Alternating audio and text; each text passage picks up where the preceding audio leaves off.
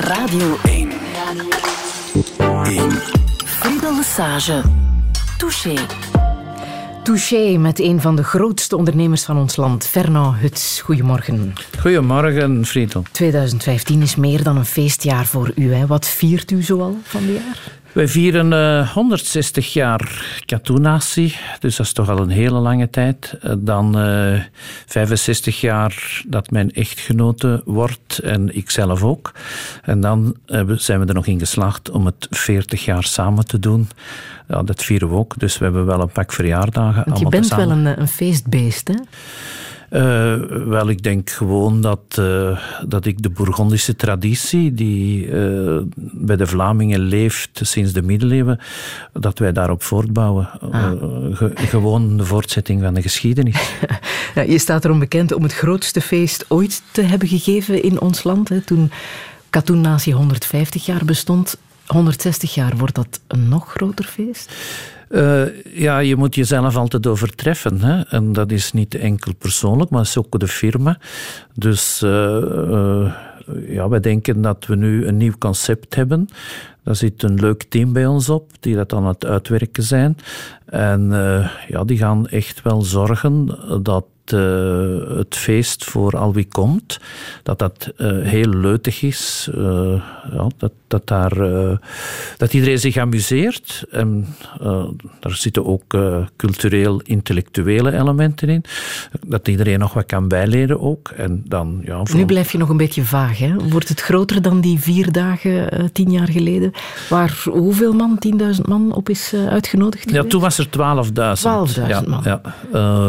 maar nu nu uh, denk ik dat we... Ja, we doen het niet over de grootte, alhoewel dat het wel groot zal zijn. Maar uh, wij willen ons overtreffen in de ambiance, in de sfeer, in, in het uh, plezier, in de toegevoegde waarde. daar gaat het om. Het, het, we willen niet de feest van de meeste mensen maken, dat is niet belangrijk. We willen gewoon de feest maken waar wij voelen dat iedereen zich echt amuseert en meegeniet van onze onder 60 jaar. Je blijft nog wat vaag, maar er zijn plannen, hè? Heel veel plannen. We moeten het in de gaten houden. Een beetje overal in het land en voor iedereen? Een beetje overal in de wereld, want natuurlijk ondertussen zijn wij een bedrijf uitgezwermd naar alle continenten en we werken in 33 landen. Uh, ja, we vinden ook dat Amerikanen moeten meevieren, dat de Latijns-Amerikanen, uh, Uruguay moet meevieren, ook de Aziaten, en allemaal op hun manier. En daar heb jij tijd voor, om naast jouw job als uh, grote baas van Katoen Natie ook nog al die feesten te organiseren. Misschien is dat wel mijn job. dat gaat wel samen hè, bij Katoen Natie. Uh, kijk, wij zijn een cultuurgedreven bedrijf, hè, dus onze bedrijfscultuur. En een groot onderdeel van die bedrijfscultuur is toch dat we uh, feesten, dat we pinten pakken en, en dat we aandacht besteden aan, on aan onze onderlinge relaties. Mm -hmm. En ook de relaties met onze stakeholders, klanten. Nu, wat, wat is er, uh, wat is er uh, het beste om goede relaties aan te kweken? Dat is eten, drinken, vieren, feesten. En, uh, dat is waar. Ja, dus wow. voilà, dat is het volledig in het, in het kader van de bedrijfsfilosofie. Fernand Huts, hoe zou jij jezelf omschrijven? Oh, kijk, ik heb daar ooit eens voor mijn uh, drukker of mijn uitgever, meneer De Meester, is een zware studie moeten overmaken omdat hij zijn boek ging schrijven. Uh, maar feitelijk, uh, dat was toen vier bladzijden dat hij nodig had. En geresumeerd zou ik zeggen, een, een, iemand die gegroeid is met een achtergrond uit het Haspengouwse, boerenachtergrond. en dan toch wel wat opgevoerd vervrolijkt, omdat ook een vierde van, uh, van mijn grootouders, die komen van Baardegem. En Baardegem is Aalst, dus carnaval. Dus je krijgt een mengeling tussen de ernst van de Haspengouwse vierkantsoeven, die dat dan gemengd is met uh, het uh, Aalsterse carnaval. En ik denk, als je dat samenklutst, dat je mij zo wat hebt. De pers heeft het wel eens over de luis in de pels van het Antwerpse havenbedrijf. Wat vind je daarvan? Oh, uh, uh, ik denk het niet. Het, gebeurt wel eens dat ik ze kittel. Maar, maar uh, echt in hun pens niet. kijk, ze zijn het ondertussen gewoon. Hè, elke keer. En, en ze slagen er altijd in om dingen verkeerd te doen. En ja, ze weten dat, dat er dan wel eens een reactie vanuit mijn kant komt. maar niet dat ze bijsturen hoor. Zij doen gewoon... zij volharden in hun fouten. De Berlusconi van België? Uh, nee, nee, nee. Ik, heb, uh, ik, ik, mankeer één groot aspect van Berlusconi. Uh, hij was vrouwintensief en ja, daar heb ik de tijd niet voor. Dus. Fernand Huts, welkom in Touché. Dank u. Radio 1. Radio 1. Friedel Lesage. Touché.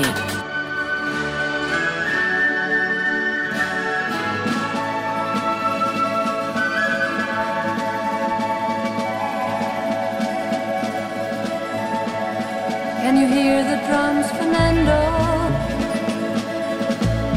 I remember long ago another starry night like this. In the firelight, Fernando, you were humming to yourself and softly strumming your guitar. I could hear the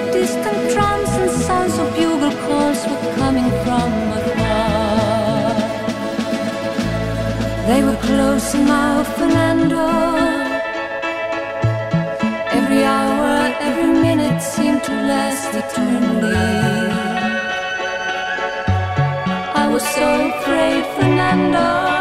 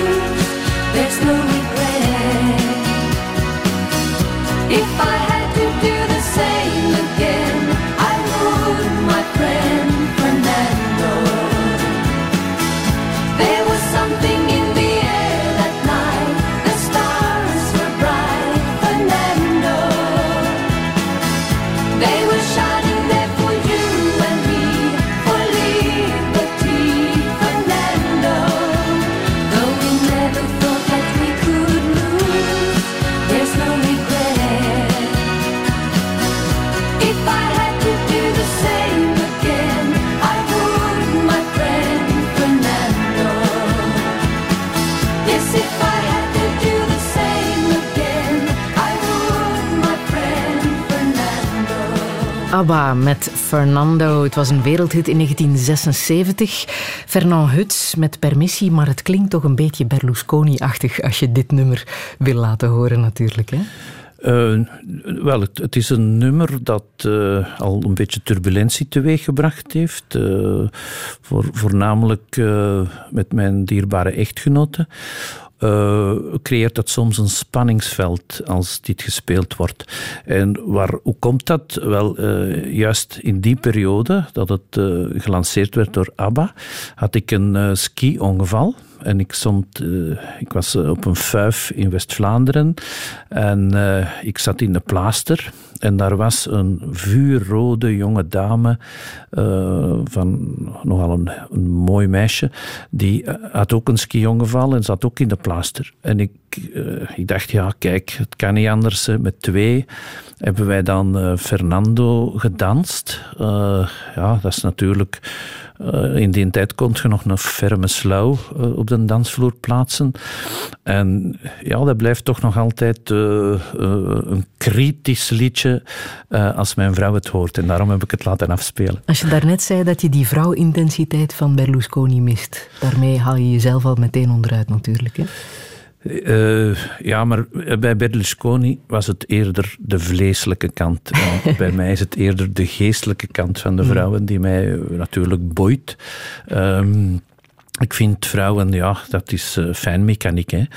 Uh, een man, dat is zo simpel, dat is een klok. er hangt een klepel in. En ja, dat is het dan, hè. Uh, maar een vrouw, dat is uh, fijn. Uh, is een Griekse, een, een Zwitserse horloge. je weet nooit waar je gaat uitkomen. Het is heel moeilijk om ze doorgronden. In bedrijfsleven zijn wij amateur van de vrouwen, zijn heel goede managers, zijn uitstekend. Uh, vrouwen kunnen ook altijd veel meer als mannen samen doen. Die, die zijn gemaakt om hun huishouden te doen, voor de kinderen te zorgen, voor die event te zorgen, uh, de, de, te werken, een beroep uit te bouwen, uh, noem het op. Die kun je allemaal tegelijk. En een man die kan feitelijk maar twee dingen. Hè. Dat is de wereld intrekken, werken. En dan ja, voor zijn ontspanning moet die nog bediend worden en moet, die, uh, ja, uh, moet hij met zijn vrienden op café kunnen gaan, naar de koers, naar de voetbal. Uh, maar dat is feitelijk toch wel een, een, een, ander soort leven. Een vrouw is veel breder en, en, en, dat boeit natuurlijk. Hè. Dat is, er zit toch wel een groot stuk spielerij in ook, ah. om, om, dat te volgen. Um, ik stelde zo net de vraag om jezelf te omschrijven, iets wat ik altijd doe bij het begin van uh, Touché. Maar in jouw geval is het wel bijzonder omdat jij extreem geïnteresseerd bent in wie jij zelf bent. In die mate dat je zelfs, als het klopt, een DNA-test hebt laten uitvoeren. Uh, natuurlijk. Uh, natuurlijk. Natuurlijk. Uh, je moet heel goed jezelf kunnen relativeren. Hè? in, in mijn job, in mijn functie als entrepreneur, je moet je niet te veel au serieus nemen. Hè? Daarom is het van belang dat je zelf goed weet hoe steekt je in elkaar en het, het, belangrijkste is zelfs een grote zin voor relativiteit. Uh, er komt zoveel op, op mijn bureel, uh, zoveel op, op naar mij toe dat je de zin voor relativiteit moet hebben. En wat hoop je dan te weten te komen met het resultaat van die DNA? Ah, wel, uh, als, als je dan wat, wat zoekt in het verleden. Uh, ik ben dus een heel sterke gelover van waar komen wij mensen vandaan en waarom doen we dingen. En uh, iemand heeft uh, dus uh, mijn, achtergronden en ook die van mijn vrouw en van mijn grootouders uitgezocht. Is daar trouwens nog mee bezig. We zijn er ook een, een boek over aan het maken. Maar als je dan nog een stap verder gaat, uh, dan krijg je je stamboom. Maar als je dan nog een stap verder gaat, dan heb je DNA nodig. En in Leuven is er een wetenschappelijk centrum en dat brengt de, je DNA eh, in kaart, letterlijk op een wereldkaart. En dan kan je zien van waar je komt. Hè. Uh, een, heel die migratiebeweging kan je volgen.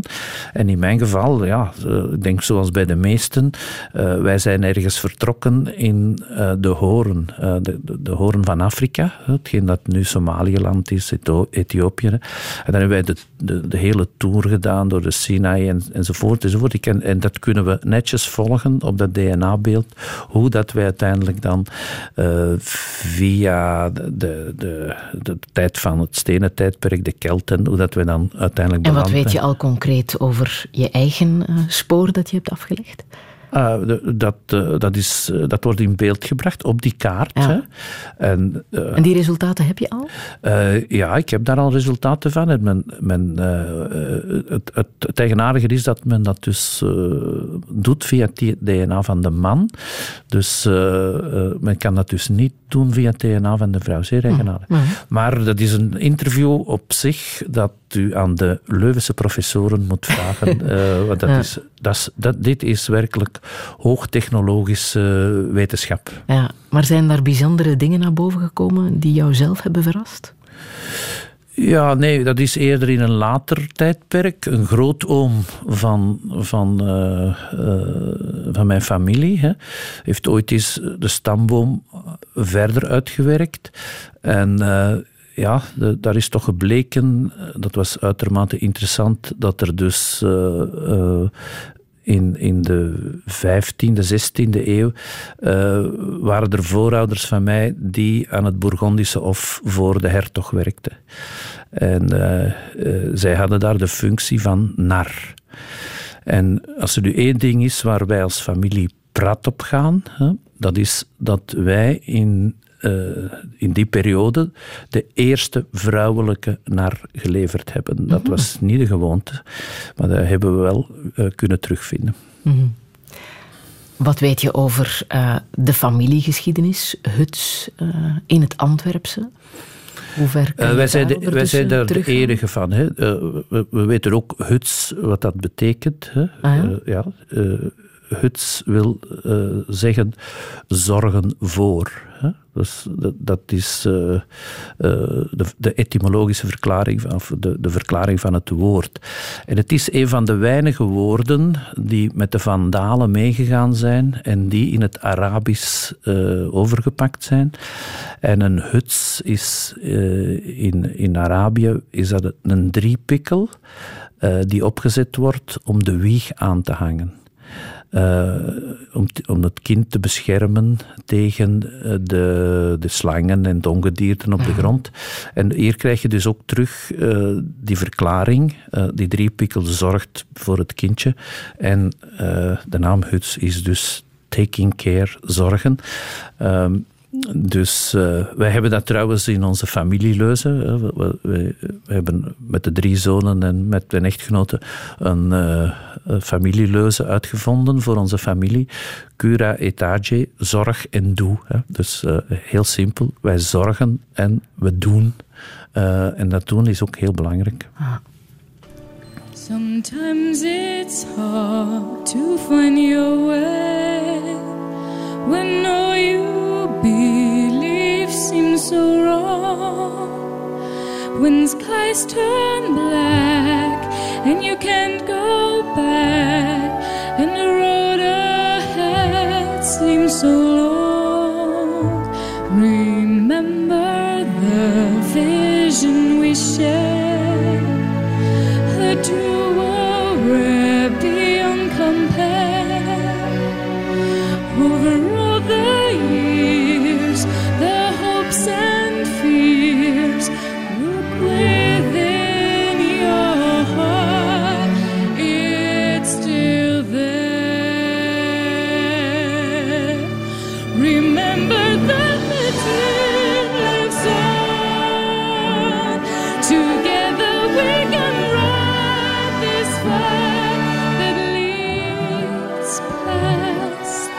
呵呵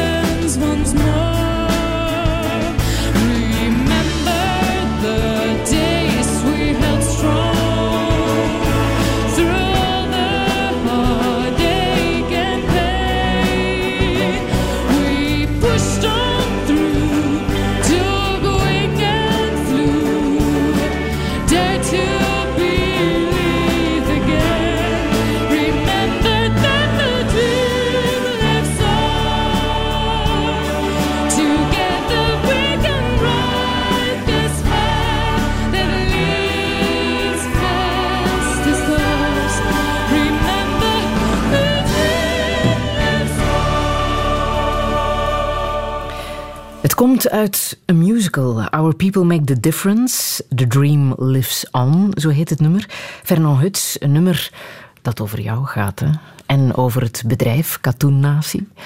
Wel, inderdaad, dit, eh, deze musical hebben wij zelf geschreven naar aanleiding van 150 jaar Katoenatie. Uh, mijn zoon Yves is uh, muzikant, componist. We hebben die aan het werk gezet en gezegd, kijk, maak eens een musical over de geschiedenis van Katoenatie. Nu, je hebt enerzijds de geschiedenis, maar wat dat dan zeer belangrijk is, uh, hoe mooi dat die geschiedenis ook geweest is, the dream lives on. En uh, je moet vooruit, dat, uh, dat lied is een fantastisch lied. Uh, het toont, onze firma is gemaakt door onze mensen. De, de, de musical heet Our People Make the Difference. En we zijn tien jaar verder. En ik moet zeggen dat the dream lives on. Maar dat is ook echt de, de filosofie van Katoen Natie. De mensen maken het verschil. De mensen zijn belangrijker dan de regels. Is dat het geheim van het succes van het bedrijf? Ja, wij zijn uh, van vlees en bloed. Hè. Uh, er bestaan uh, over onze firma en over mezelf en over mijn medewerkers bestaan er heel veel mythes. Hè. ja, wij gaan maar kijken wat er over ons geschreven wordt en, en dat is echt mythevorming. In welke zin dan? Wat, wat lees jij als mythe? ja, er wordt gezegd uh, je, je, dat, dat wij gedreven worden op basis van uh, flamboyant zijn, op basis van pinten drinken, van allerlei zaken die ja, journalisten graag schrijven. Maar de keiharde werkelijkheid is anders. Hè. De, de, de, het succes van de maatschappij is gebaseerd op het feit dat wij uh, echte harde werkers zijn, uh, dat wij dag en nacht werken. Uh, je zou ons de Flandriëns kunnen noemen, zoals dat in de, in de koers het geval is. je moet boven geraken, bloed, zweet en tranen, je moet die berg over. wel, zo is dat in het bedrijf ook. Keihard werken om telkens een project te realiseren. En uh, wat is uh, een tweede dimensie die de, de groep uh, duidelijk kenmerkt? Dat is dat wij dat doen op een eenvoudige manier met gezond boerenverstand. wij hebben geen ingewikkelde regels, wij hebben geen grote verslagen. Wij, wij, nemen de beslissingen per telefoon, we bellen eens naar elkaar en zeggen ja, en dan, ja, als we er niet zeker van zijn, dan zien we ook nog een nachtje over slapen. het buikgevoel is bij ons een, een, een heel, heel belangrijk gegeven uh, in het beslissing nemen. Dus het zijn niet zozeer de rules die primeren, als eerder uh, ja, het hart, de ziel en de buik. Ja, je bent net terug uit Texas. En daar was ook heel veel interesse hè, voor dat geheim van het bedrijf? Ja, ik, had, uh, ik was uh, op, op de ranch van een van, van het feitelijk het grootste bedrijf in de petrochemische en petroleumsector. En uh, ja, we zaten daar met, met een klein groepje, met de top van het bedrijf. Feitelijk moest de CEO weten, en dat, toch wel, we waren drie, drie dagen samen, moest hij weten vertel mij eens waarom uh, Vlamingen, en hij heeft er nogal een pak in zijn bedrijf, waarom Vlamingen goed zijn. Want hij als CEO in dit immens grote bedrijf ervaarde uh, de kwaliteit van zijn Vlaams management. En ik heb hem dat in het lang en in het breed uitgelegd, uh, de achtergrond.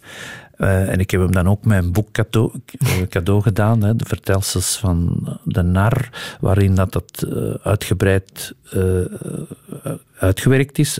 En hij moest dat dan direct hebben voor de ganse raad van bestuur en voor, voor zijn topmanagement. Maar zijn wij te bescheiden? ik denk, ik vind dat wij Vlamingen, wij werken. Hè, en wij zijn allemaal bezig met werk, noestwerk. Het moet lukken, het zal lukken en het lukt ook. Uh, en ja, als je dan kijkt naar andere volkeren, die zijn eerder bezig met zichzelf te verkopen, met de marketing, veel lawaai. Maar de, de Vlaming zit zo niet in elkaar. Uh, wij vertellen het niet aan de wereld dat we feitelijk de beste zijn. Uh, we zelfs, doen het gewoon. Ja, we doen het gewoon. En zelfs al zijn we de beste, dan gaan we nog altijd zoeken om ons bescheiden op te stellen en om, om ons bescheiden te gedragen. Dat is nu eenmaal onze cultuur, maar misschien ook onze kracht. Ik ik, uh, ik reis heel veel, ben overal in de wereld. En ik moet concluderen eh, dat uh, onze Vlamingen, uh, niet enkel voor ons bedrijf, maar ook voor grote multinationals, dat die overal gerespecteerd worden, het overal goed doen. En waarom? wij zijn flexibel, wij spreken de talen, wij passen ons aan, we kunnen in eender welke cultuur gaan werken. En we kunnen afzien, hè? dat is heel belangrijk. dat afzien Kijk maar naar de sport. In welke sporten zijn we goed? Ah. In die sporten waarin dat je moet afzien. De Coureurs, veldrijden, uh, ja, modder, hè, koud uh, afzien. Top van de wereld en, en al altijd geweest. Dus, uh, en dat maakt dat die Vlaming, stuur die weg, die past zich overal aan. Hè. En dan ook toch nog interessant, hè, als je het even doortrekt met de sport. Uh, wij zijn ook altijd kampioen geweest in de caféspelen. Hè. Denk maar aan Keulemans in een tijd, de drieband. Dus in het café kunnen we ons ook heel goed laten gaan. Ja. Katoennatie bestaat 160 jaar, maar wanneer is de familie Huts daarin terechtgekomen? Uh, wel, mijn grootvader uh, was een, uh, een, boer in Haspengouw. Maar dat was een, een, een hoeve met tien kinderen. Hè. Dus mijn grootvader was één van die tien. Hè. En dan, ja, dan moest er wel wat gebeuren, want het bedrijf in tien kappen, een hoeve in tien, dat ging niet. Dan zijn er drie hutsen zijn de financiële wereld ingestapt. Die hebben in Brussel het wisselkantoor Huts, Huts en Huts opgericht. Uh, hebben dat gedaan in 1928 en in 1930 waren zij failliet. Ze zijn achteraf dan wel op hun poten gevallen uh, en ze hebben eigenlijk een, een, financiële carrière gekozen. Een andere broer was mijn grootvader. Uh, en die had dus gezien dat je dat je niet moest uh, in, de, in, de, wisselkantoorbranche stappen. Die is naar Antwerpen getrokken en is natiebaas geworden bij de Trouwnase. En dat was een, een natie die gespecialiseerd was in granen, hè, behandeling van granen. En die wist er natuurlijk niet, die heeft daar wel heel goed zijn kost verdiend. En de reden was dat een Duits zich aan het bevoorraden was. Dus die, die ging ergens in de loop van de jaren dertig, stapte die in de trouwnazen, graannazen. En de Duitsers die, moesten, die kochten maar graan, graan, graan, graan, graan. En ja, achteraf is gebleken waarom dat ze dat graan allemaal nodig hadden. Dus die heeft daar dan toch wel uh, in die periode lekker zijn kostje verdiend. En uh, uh, is een een, een, eh, een, een goede burger geworden. Uh, maar het niet wegneemt dat eens dat de oorlog dan begonnen was, ja, dan hadden ze niks meer te doen. Hè, want dan was de haven afgesloten en dan zijn er dan de magere jaren gekomen. Zoals dat een beetje altijd in het leven is. Eh, de Egyptenaren hebben, wisten dat al. De zeven vette koeien, de zeven magere koeien. Uh, en ja, dat is nu eenmaal de cyclus van de economie. En dan mijn, groot, mijn vader dan is Nasibas geworden bij Katoenasi uh, in 48, 49 na de oorlog. En hoe heeft hij het gedaan? Uh, ja, het, ik denk, hij heeft heel, heel hard gewerkt uh, natiebaas zijn is uh, een heel zwaar beroep. Je moet heel vroeg opstaan. Uh, elke dag is, ging mijn vader naar de dok. Hij was de baas van de, de operaties. Werkdeken heette dat in die tijd. Maar dat betekende dat je dus om half vijf uit je, uit je bed moest. de de, de, organisatie in elkaar steken. dan kwam hij bij, ons thuis eten en voerde hij mij naar school, mij en mijn zus. En dan, daarna ging hij zijn controlerondes doen aan de dok. En om, als die dan gedaan waren, om 11 uur, dan hadden al die dekens uh, rendezvous in de gaarkeuken in Antwerpen en gingen ze pinten pakken. ongeveer een, een uur en een kwartier. Je is terug naar eh, bureau voor de namiddagorganisatie en smiddags eten. En dan uh, s'avonds, uh, ja, als het werk gedaan was, gingen ze onderling ook nog pinten pakken. Dus heel zwaar leven, heel intensief. En ja, in de winter was het dan ijskoud, in de zomer heel heet. Uh, ja, dat, dat maakte dat je dan tussenin toch wel een pint en in, of een Geneverke moest drinken. Dus uh, hij, hij, heeft eh, heel hard gewerkt, heel hard. De, firma ook heel, heel goed op de sporen gebracht. En ja, dan, dat is het, het, het verhaal voordat ik er was.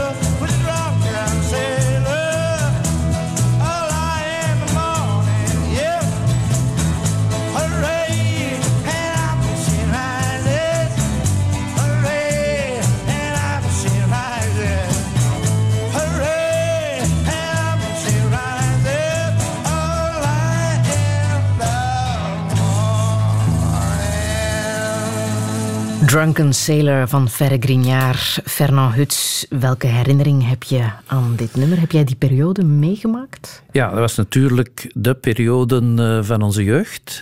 Uh, ik ben een echte Antwerpenaar. Ik ging naar school in uh, het Sint-Jan Bergmans College. En een beetje verder had je het café van de jeugd en van ja, de Flower Power. Uh, en het café van Ferre Grignard. Dat was de muze. hè? Het monument van, van Antwerpen. geweldig leuk. ja, in die tijd alles kon. Hè? Je, je mocht, je mocht gerust in de muze, kon, kon je pinten pakken. je kon ook een jointje roken. Je kon van alles doen. ik heb nooit jointjes gerookt, voor, de, voor de goede orde. maar wel veel pinten gepakt. Um, en uh, ja, uh, kijk, wij, wij uh, hebben daar ook, niet, niet enkel ik zelf, maar ook veel vrienden en mijn echtgenoten. Wij hebben natuurlijk die schitterende periode van de Flower Power meegemaakt. En toen dat wij 60 jaar geworden zijn, hebben we dat nog eens herdaan. Hè. Mm -hmm. we hebben toen een feest gegeven voor al de vrienden. Het was ook een, een aantal feesten. Hè. Uh, en het thema was Flower Power. Iedereen moest toen komen gekleed als uh, hippie of, of toch in de traditie. Uh, en dan, dan zie je toch dat iedereen toch ook voor een groot stuk kind gebleven is. maar, maar wat ik niet goed kan rijmen is die Flower Power periode waar je zo in bent opgegaan aan de rechtenstudie waar je toch wel voor gekozen hebt. Ja, die flower power, dat, dat is... Uh, ja, de, de wereld draaide daar. Uh, de, Amsterdam was in opgang, de provo's. maar toch wou je ja. rechten studeren. Met welke ambitie was dat Iedereen heeft daar toch nog... Kijk nu, Mark de Scheemaker, uh, die, die, die had, moet daar nog goede herinneringen aan gehad hebben, want die heeft bij ons de prijs gewonnen voor de best verklede man in, toen hij op de feest was. En Karel de Gucht, met, die had die heeft toen gewonnen met uh, het beste uh, busje. Die had een busje, een Provo-busje geschilderd. Dat was een verkiezingsbus die hij omgetoverd had. Dus ik denk dat dat ja, toch een, romantische dimensie had. en ja, daarna ben ik rechten gaan studeren. Waarom? Och, in alle eerlijkheid, omdat ze bij mijn school gezegd hadden: uh, doe dat. Hè. Ik wist feitelijk niet goed wat dat was, rechten. Maar uh, mijn uh, leraars in het college die zagen dat ik uh, nogal actief was. studeren deed, deed, ik ook wel, maar dat was niet zo de grote ambitie. Ik haalde wel mijn cijfers in het college. Ik was bij de eerste, maar ik deed niks anders dan uh, zaken organiseren buiten in de vrije tijd. En dus zegden die mannen, ga, ga maar naar de rechten. Uh, ik ben ze daar wel dankbaar voor, want uh, ingenieur zou niet echt voor mij zijn, want dat, is, mm -hmm. dat moet allemaal juist zijn bij een ingenieur. Hè. Ik heb, alhoewel dat mijn eerste carrière was in een ingenieursbedrijf in Eeklo, Steyart Hene. Die bouwde bruggen en zware hoog, hoogovens, echte engineering. En dan stond ik altijd verbaasd. Hè. Uh, ooit uh, werd de brug van Temse, de spoorwegbrug van Temse, ingevoerd. Dat was dan twee zijkanten waren ze gemonteerd. En dan met bokken bracht men dat middenstuk in die brug. En ja, dat, dat was op de millimeter juist. En mijn geest zit zo niet ineen om op de millimeter juist te zijn. en daarom heb ik een gigantische bewondering voor uh, ingenieurs, voor, voor wetenschappelijk gevormde mensen. Uh, bij ons zijn ook heel veel bio-ingenieurs. Mhm. Wel, die mannen die kunnen juist denken. en ja, als je naar de rechten gaat, dan moogt je toch iets chaotischer denken. En, en als dat kind, mij beter. Wat, waar droomde je van als kind? Toen je als, klein was? Als kind, ja, ik heb altijd graag uh, uh, coureur willen worden. Hè. De, maar ja, uh, gelukkig, gelukkig heb ik die weg niet gekozen. Omdat je geen goede sportman was? Ja, maar kijk, dat is toch wel heel zwaar afzien. Hè. altijd maar duwen, duwen, duwen, duwen, duwen. maar zou je dat gekund hebben? Uh, kijk, ik ga ervan uit dat als je focus hebt en je gaat ervoor en dan een pak wilskracht, uh, uiteindelijk is het in het leven karakter. Karakter, mm karakter, karakter. Door wie of wat heb jij dat gekweekt, denk je? Och. Is er iets dat aan de basis ligt van jouw sterke karakter? Well, ik weet niet of dat ik een sterk karakter heb, want af en toe bezwijk ik. Hè. Ik heb uh, ook zwakheden. Uh, maar als ik dan al toch een stuk uh, sterk karakter heb, dan zal dat vermoedelijk komen van het gevecht dat ik geleverd heb als ik vijf jaar was. Ik dat, we spreken 1955, net voordat de inentingen er waren tegen polio. En uh, uh, ja, uh, er was geen vaccin.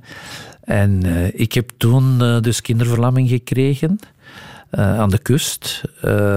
ben dan opgenomen in het Sint-Jans Hospitaal in Bruggen.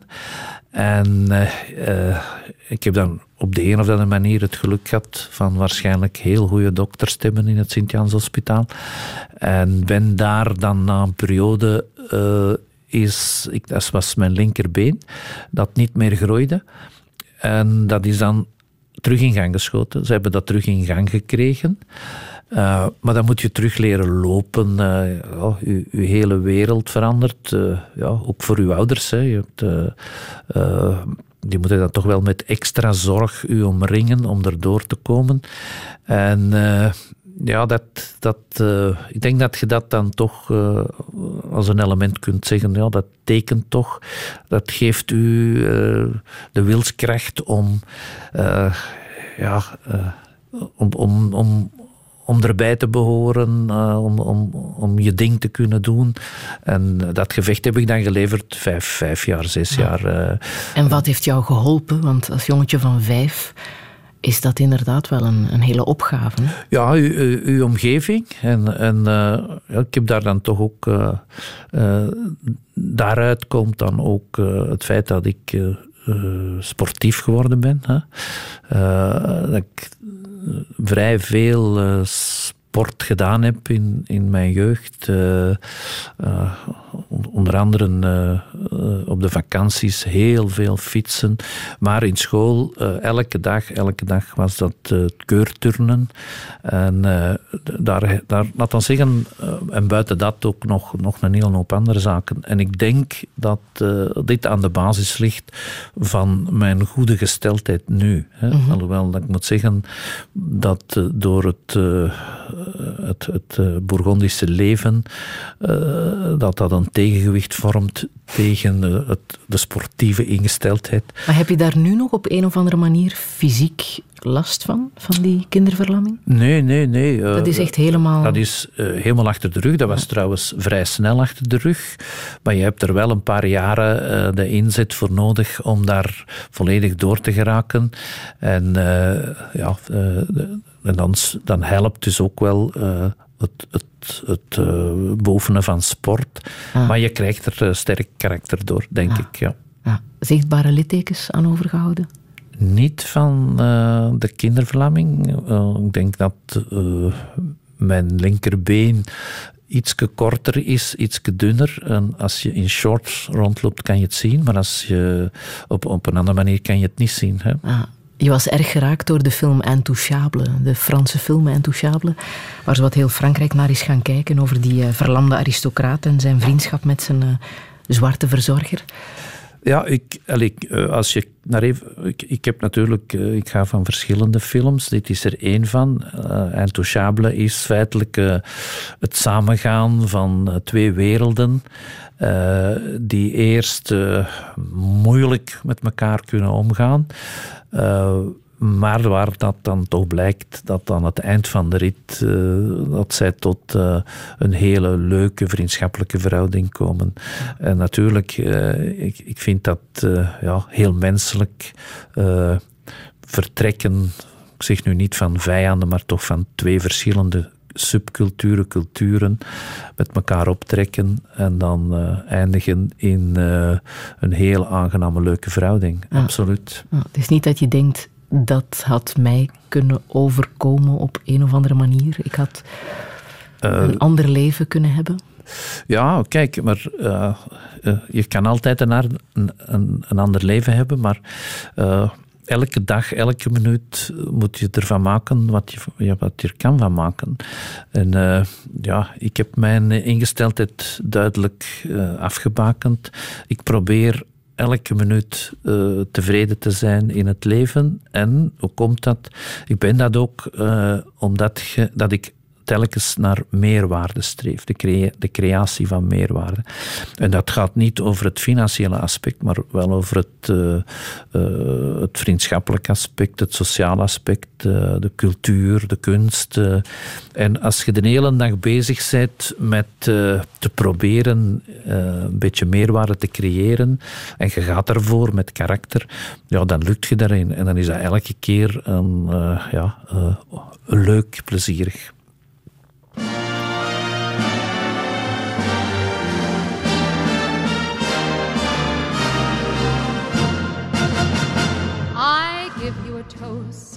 Ladies and gentlemen, I give you a toast.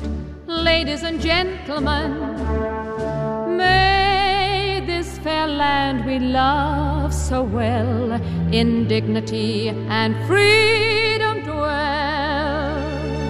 Though worlds may change and go awry, while there is still one voice to cry, there'll always be an England while there's a country lane. Wherever a cottage small beside a field of grain, there'll always be an England while there's a busy street. Wherever there's a turning wheel, a million marching feet. Red, white, and blue, what does it mean to you? Surely you're proud, shout it aloud, Britain's awake. The Empire, too, we can depend on you.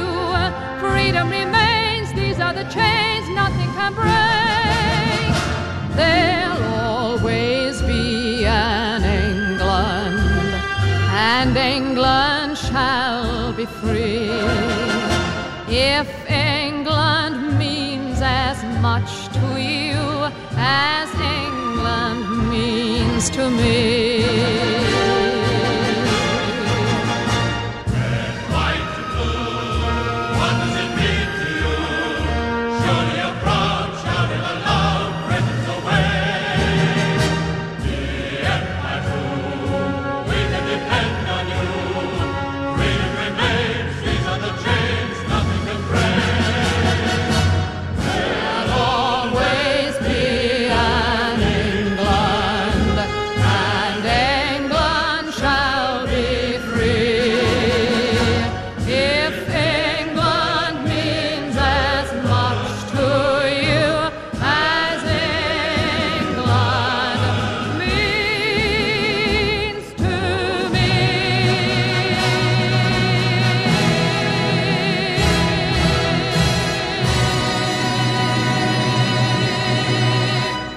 Vera Lynn met There Will Always Be an England, Fernand Huts.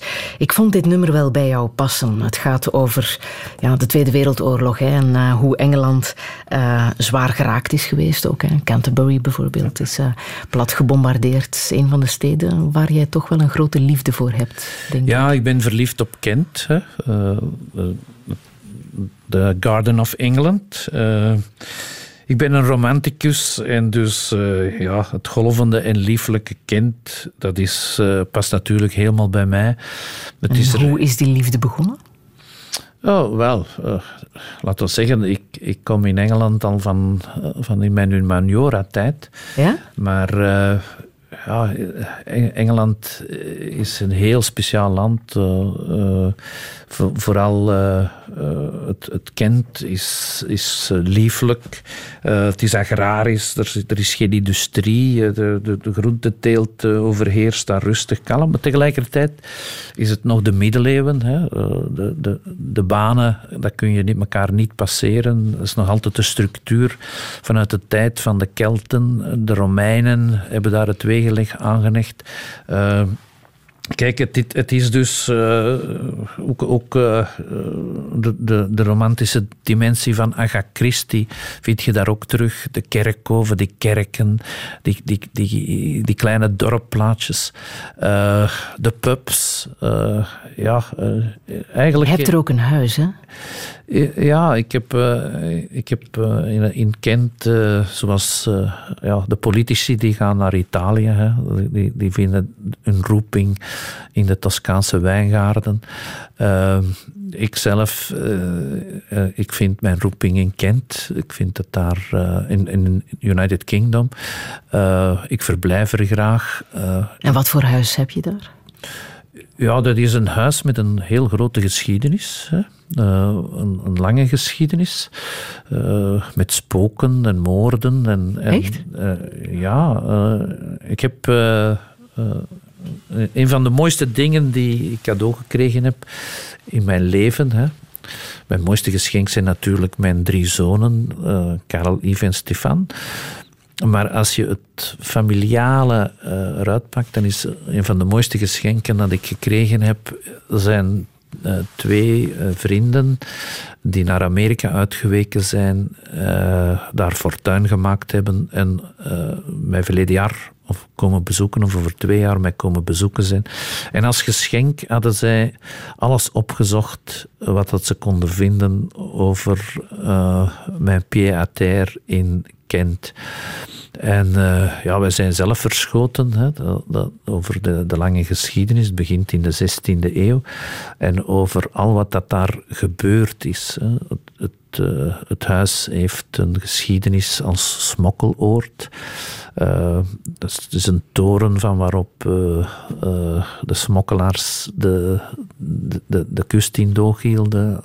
het heeft kelders die speciaal gebouwd zijn voor de smokkelwaren in op te slagen. Uh, de, daar is ook, uh, de, de, er heeft een bankier gewoond die aan de basis ligt van de Bank of England.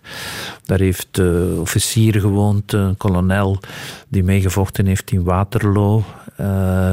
daar heeft een dokter gewoond, wiens meid een kind, een kind ter plaatse vermoord heeft. Uh, wij hebben die grafzerken teruggevonden uh, in een kerkje. Dus uh, ja, je, je, je, je leeft in, uh, een heel uh, speciale omgeving. En zo, zowel mijn echtgenote als ik, ja, wij zijn toch wel verliefd op het huis, Aha. zijn geschiedenis, zijn bewoners, zijn vroegere bewoners. De, de laatste bewoners waren professoren. Uh, man en vrouw, uh, Amerikanen, die het uh, in Cambridge vergeschopt hadden. Die in Cambridge een, een spin-off gesticht hadden. Die spin-off verkocht aan een Amerikaans bedrijf. En die dan op, op in dat huis zijn gaan wonen uh, en die dan nu uh, ja, uiteindelijk verkocht hebben. En dus, ga, je, ga je daar ook wel eens jagen? Want dat is een van jouw wel, favoriete bezigheden. Dat is dat natuurlijk een van de verlengstukken. als je verliefd bent op Engeland, dan, dan word je super verliefd als je jager bent. Want er is geen plaats op de wereld waar de jacht zo verbonden is met de countryside. Hè. Iedereen in in uh, de Engelse countryside is op de een of andere manier betrokken bij de jacht. Het zij als trakker, het zij met de honden, het, het zij bij de organisatie. En uh, jagen in Engeland is, uh, ja, dat is een belevenis, dat is onvoorstelbaar. Je kan al je vrienden uitnodigen, die komen altijd. Uh, het is daar het jachtparadijs. En Engeland is zeer groot, hè, want neem Londen, daar is de, dat is de city, daar wordt het geld verdiend, daar draait de commerce. Maar als je Londen wegneemt van de kaart, dan is het allemaal feitelijk de middeleeuwen met wat wegen tussen. Hè. maar je hebt daar een echt landschap waar nog de, de landelijke bevolking landelijk leeft hè, en, ah. en nog als communiteit leeft in de herbergen, in de pubs. De Côte d'Azur, daar krijgen ze jou niet naartoe? Nee, nee, ik ben niet gemaakt voor de Côte d'Azur. Uh, ik wil wel eens een blik werpen op uh, de stringsjes uh, die er rondlopen. maar, maar dus, nee, ik, ik ben niet gemaakt voor het society-leven in Saint-Tropez. Niet zoals die hoofdfiguren uit Bienvenue chez les Ch'tis. De, de man die met zijn vrouw naar eh, de Côte d'Azur wil verhuizen? Uh, Wel, uh, de, de Stie is, een, is dus uh, inderdaad een leuke film, een van mijn preferenties. Waarom? Omdat daar iemand uit de Provence gepromoveerd wordt tot directeur van het postkantoor in Frans-Vlaanderen. En dan krijg je de shock van de culturen die, ah. die, die botsen. zij denken dat ze afdalen in de hel. Hè. Iemand van de Provence naar het noorden. Maar de kern van de zaak is dat uh, die Vlamingen, hè, die Frans spreken, dat die uiteindelijk zeggen: Kijk, trek het u niet aan. Je kom, als je komt, weent je, maar als je terug vertrekt, weent je ook. En dat is feitelijk de, de, de summary of deze, van deze ah, film. En dit is muziek uit die film.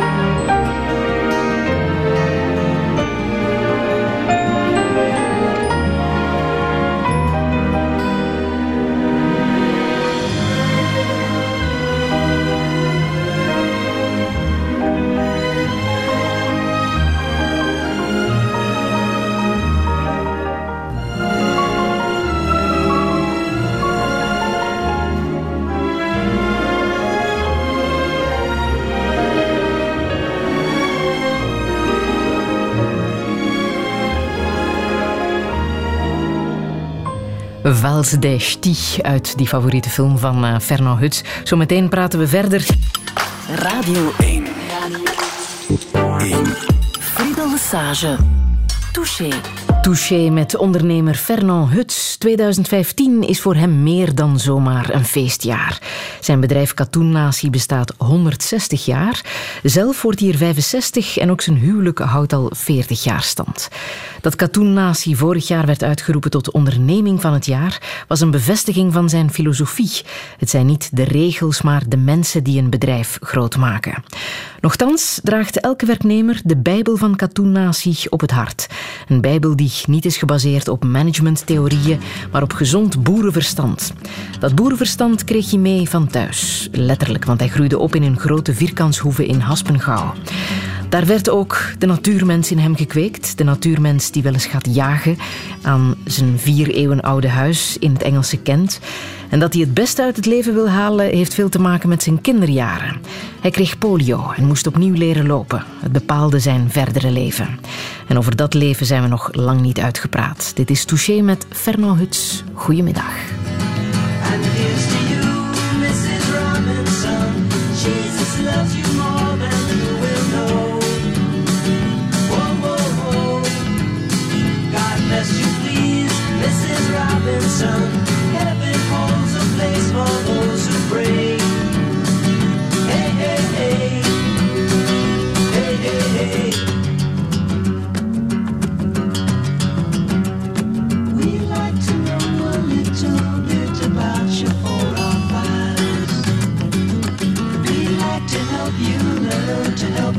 Look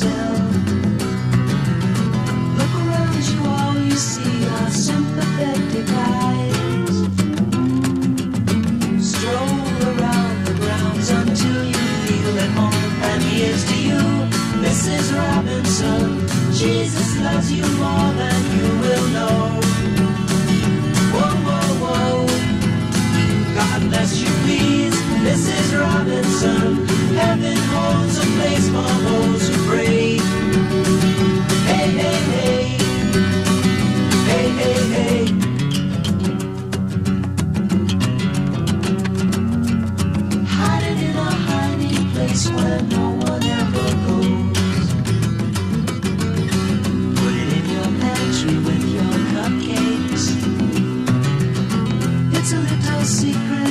The Robinsons.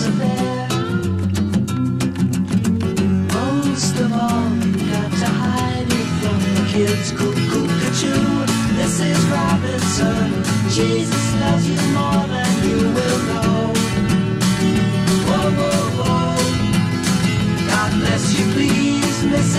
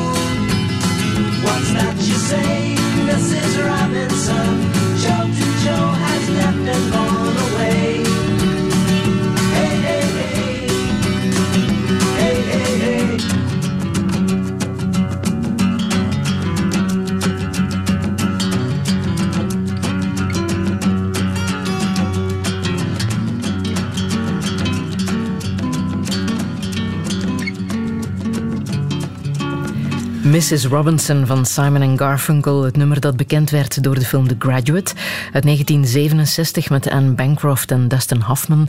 Fernand Huts, jij hebt die film gezien toen je 17 was? Ja, uh, ik vertrok uh, als brave jongen. Uh, collegestudent van het Sint-Jan Bergmans College.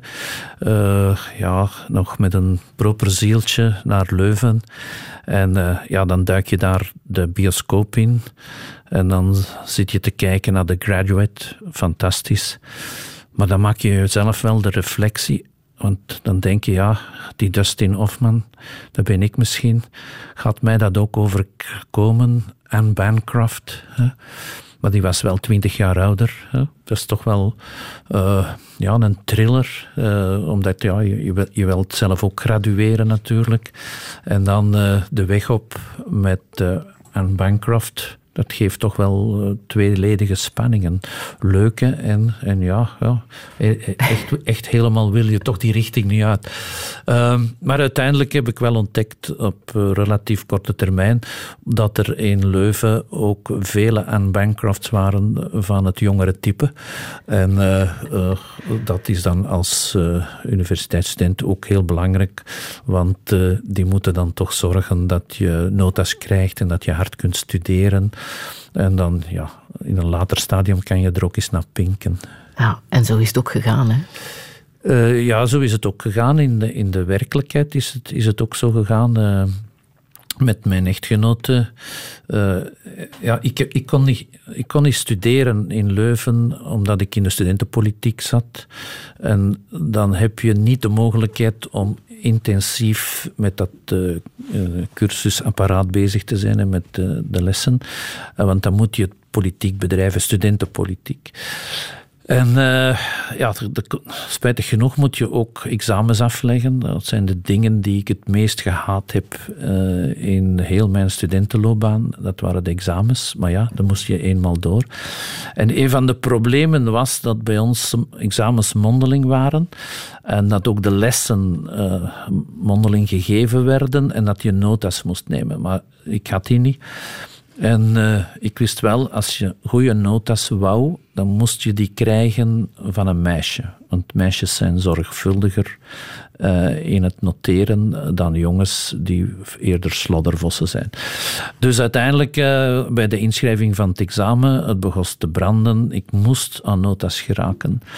En ik zag daar uh, een porke, eten in onze tijd, die dat dan nog goed voorzien was van poten en oren en die er nog mocht zijn ook. En dan zeg ik, ja, daar ga ik het dan vragen. Hè. Daar ga ik achter voor, voor de notas. Uh, en uh, ik, ik inviteerde haar voor een koffie. Wat bleek nu? Dat zij feitelijk uh, niet van het type was die notas nam maar eerder heel goed kaart kon spelen en haar tijden eh, ook niet echt in de les had doorgebracht. Daar zaten we als twee sukkelaars. Maar zij had wel relaties. Relaties met de beste studenten van ons jaar, uh, met de grote onderscheidingen. En zij is er dan in geslaagd om uh, die notas bij elkaar te krijgen. En uh, uh, ze heeft daar misschien ah. met haar knie tegen de grote onderscheiding van het jaar moeten wrijven, maar ze had ze toch. En uiteindelijk uh, is, uh, ja, is uit die notas zijn we er dan toch beide doorgeraakt. Maar ik ben dan naar Australië vertrokken en zij naar Congo. En dan ben ik beginnen vrijen per brief. Wij, wij hadden enkel een puur wetenschappelijke relatie. Maar toen ik in het midden van de woestijn in uh, Australië zat, Ayers Rock, ja, dus in heel die uh, woestijn is er niks buiten één grote rock. En daar lag ik aan een kampvuur, helemaal al, alleen met een paar vrienden. En daar ben ik tot over mijn oren verliefd geworden en heb ik mijn liefdesbrief geschreven. En die liefdesbrief is dan opgestuurd en ja, maakt tot uh, op dit ogenblik deel uit van het patrimonium van mijn echtgenote. Dus ze is al dikwijls heel kwaad geweest op mij, maar die brief heeft ze nog nooit weggegooid. nu, um, dat die liefde echt was en goed was, is bewezen ondertussen. Hè. Drie zonen die nu ook het uh, spoor van jou aan het volgen zijn, ondertussen in het bedrijf zijn terechtgekomen? Ja, maar laten we zeggen, uh, zij hebben het grote voordeel dat zij eerst eigenlijk hun eigen weg gegaan zijn.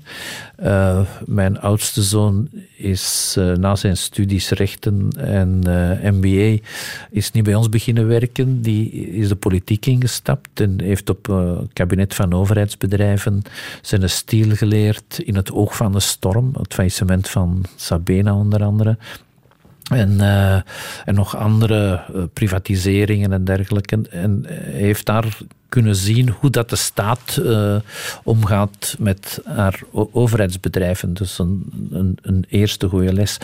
En dan de tweede zoon, uh, die heeft economie gestudeerd en is dan de wijde wereld ingetrokken. Uh, die zijn, zijn, zijn vingerspitsengevoel zit in de muziek, componeert, heeft dus onder andere de, de musical geschreven, maar ook heel veel plaatjes. En is feitelijk een uh, heavy metal uh, jongen. Die uh, deel heeft uitgemaakt van de grote Nederlandse popgroep Epica. En dan daar liedjes voor gemaakt. En ook basgitarist bas, geweest. En gedurende twaalf jaar heeft hij gereisd in de ganse wereld. voor, voor de optreden. Gothic metal, een speciale avant-garde in de muziek. heeft daar dus de, heel, heel zijn lief en leed ingestopt. En dan eh, een paar maanden geleden, of eh, een jaar geleden, is hij gestopt en is hij overgestapt naar het bedrijfsleven. Uh, en dan de, oudste, de, de jongste. Dat is iemand die ook, ook zijn eigen identiteit gecreëerd heeft door de militaire school te gaan volgen. Dan daarna de officierenschool bij de infanterie en dan daarna de officierenopleiding bij de paracommando's. En is dus, ja, heeft, heeft gevochten in Afghanistan met de paras, met, in, in Kosovo, in Congo. en is dan kapitein geworden bij de paracommando's. En nu heb ik hem gecapteerd om bij ons te komen kapitein zijn. Want ja, die mannen leren het soldatenleven uh, zeer gedisciplineerd. is echt people management. Je, moet met je paras wel je doel bereiken. Heel goede vorming. En uh, ja, nu, nu volgt die bij ons onze vorming om uh, de, de, toekomst van het bedrijf mee te garanderen. Hè. Dus, uh, Want Fernand Huts, je wordt dit jaar 65. Wie van die drie zonen gaat jou opvolgen? Uh, laat me het eerst als volgt stellen. 65 is een kunstmatig getal. Hè. dat is maar zeer recent uitgevonden. in, in, in de wereld bestond de pensioengrens van 65 niet. Dus uh, in het verleden, in de geschiedenis, hebben mensen altijd gewerkt zolang dat ze moesten werken of zolang dat ze het leuk vonden. Nu, in mijn, in mijn geval is het voornamelijk het uh, leuk vinden. Hè. Ik, ik blijf maar doordoen omdat het plezierig is. Maar toch moet je daarmee bezig zijn. Uh, natuurlijk. Kan niet anders. Uh, ik zal u eerlijk zeggen dat. Het bedrijf is groot genoeg. 11.000 werknemers in 33 landen. Zo zoals ik, uh, is het heel simpel. Ik denk dynastiek. Hè? Uh, ik, kan, ik heb het grote geluk dat, uh, dat ik niet moet denken in functie van beursintroductie of verkoop van het bedrijf. Waarom niet trouwens? Waarom zit jij niet op de beurs? Ja, ik denk niet dat wij geschikt zijn voor de beurs. wij zijn uh, ja, we schrijven geen rapporten. Voor de beurs moet je altijd rapporten schrijven. En je, je, moet daar ook altijd alles op voorhand aankondigen. Je kaarten laten kijken. Dit, de, de beurs geeft, dat is, dat de publiek. Hè, en, allez, pour vivre heureux, il faut vivre caché.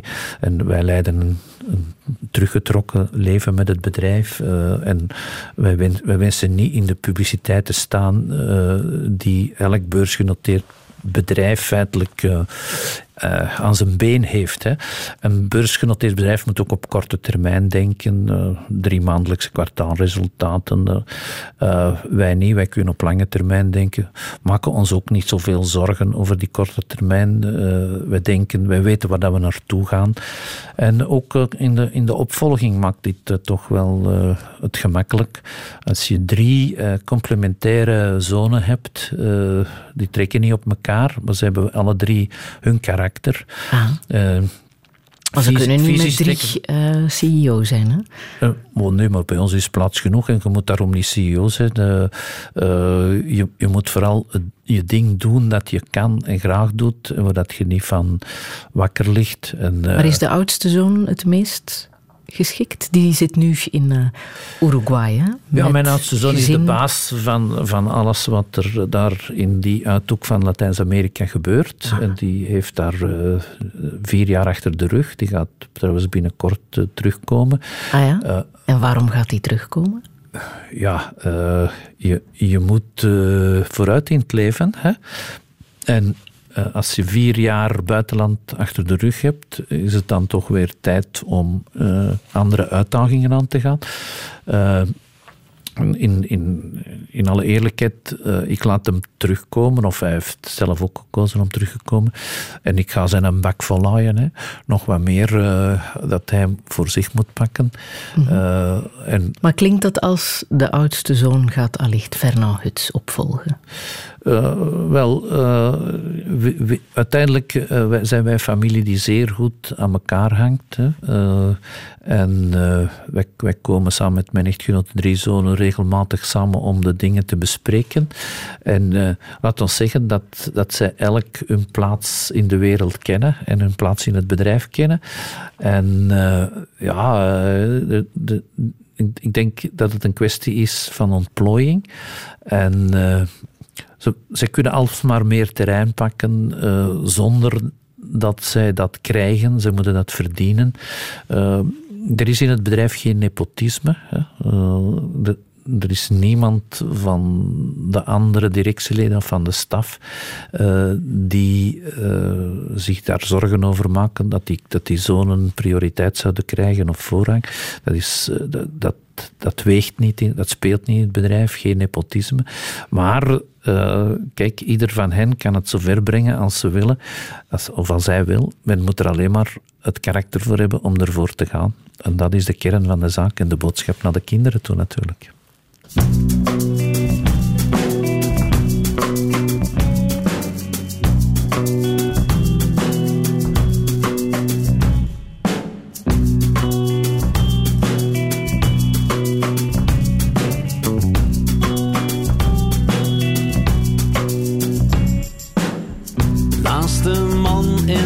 Blauw staat een rood schilderij. Naast de man in het blauw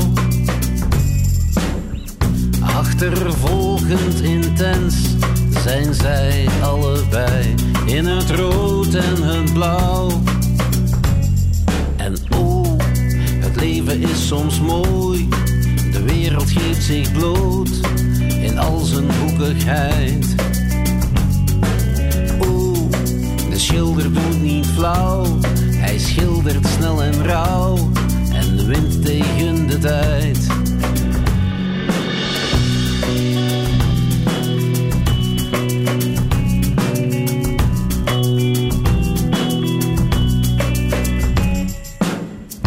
in het blauw is hij vrolijk of somber misschien.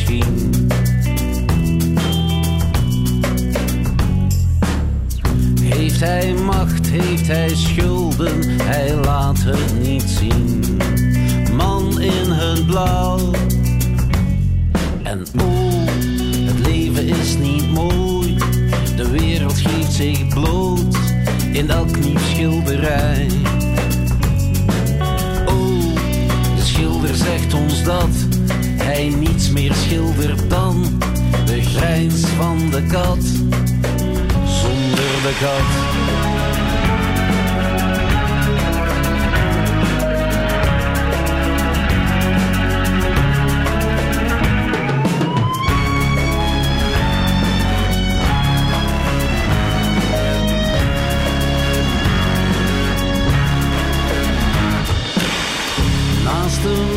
In het blauw zien we nu nog een beeld naast de man in het blauw. Het gezicht is een vlek die bijeen wordt geschreeuwd, oranje en blauw. Man in het nauw.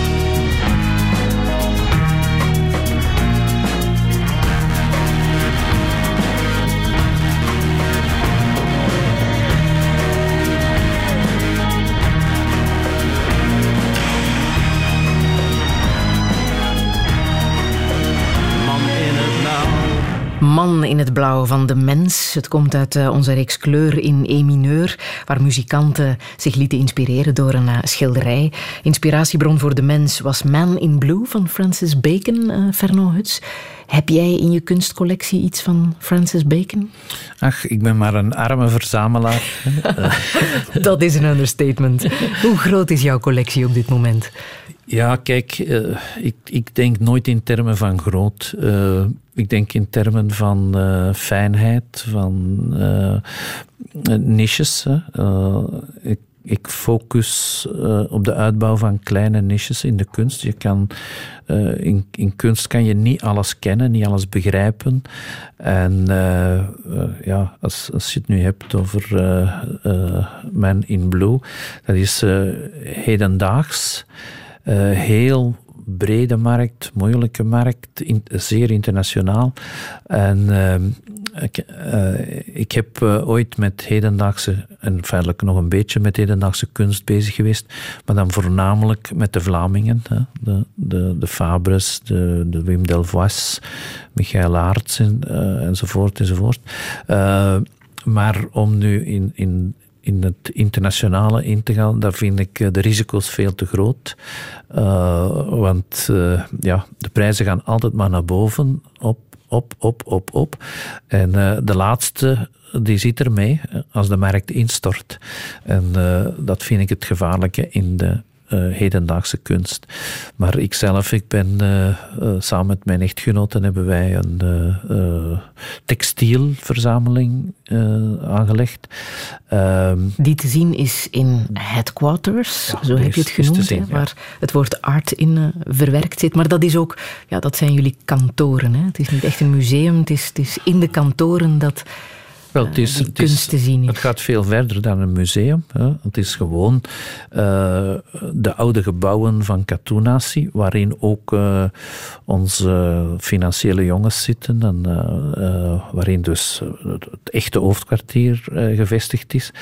Daarin zit dus de textielcollectie en dat gaat over textiel van voor Jezus Christus en na Jezus Christus tot ongeveer 600, 700 jaar na Jezus Christus. Een absolute topcollectie is dat. Ja, die speelt uh, op het hoogste niveau. Hè. Dat, uh, wij, wij hebben daar in de twintig uh, toga's, dus feitelijk nog uit de Koptisch-Romeinse tijd. Hè. En waarom vind je het belangrijk om dat te verzamelen? Ja, uh, kijk, uh, je moet weten hoe dat ik erin geduikeld ben. Uh, ik heb altijd heel, heel hard gewerkt. Twaalf uur op twaalf, zeven dagen op zeven.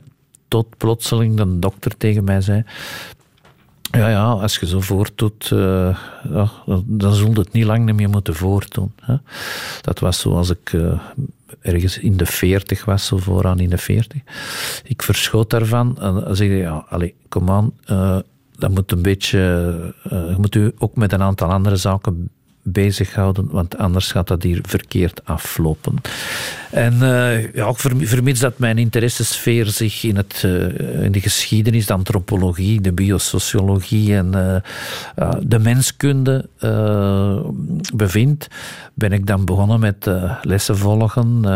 en ja, ook, ook mijn echtgenoot heeft dezelfde, ongeveer dezelfde interesses. Dus jullie hebben kunstgeschiedenis gestudeerd? Wel, wij zijn uh, kunstgeschiedenislessen gaan volgen uh, zonder dat we daar een diploma uh, voor, voor hebben. Maar we hebben ons daarmee geamuseerd. En dan duikel je erin en dan zijn we zachtjes aan beginnen kunst verzamelen. En dat, dat begint natuurlijk met de Vlamingen, hè, met de Vlaamse impressionisten, expressionisten. Uh, eerst met tekeningen en dan daarna met uh, de schilderijen.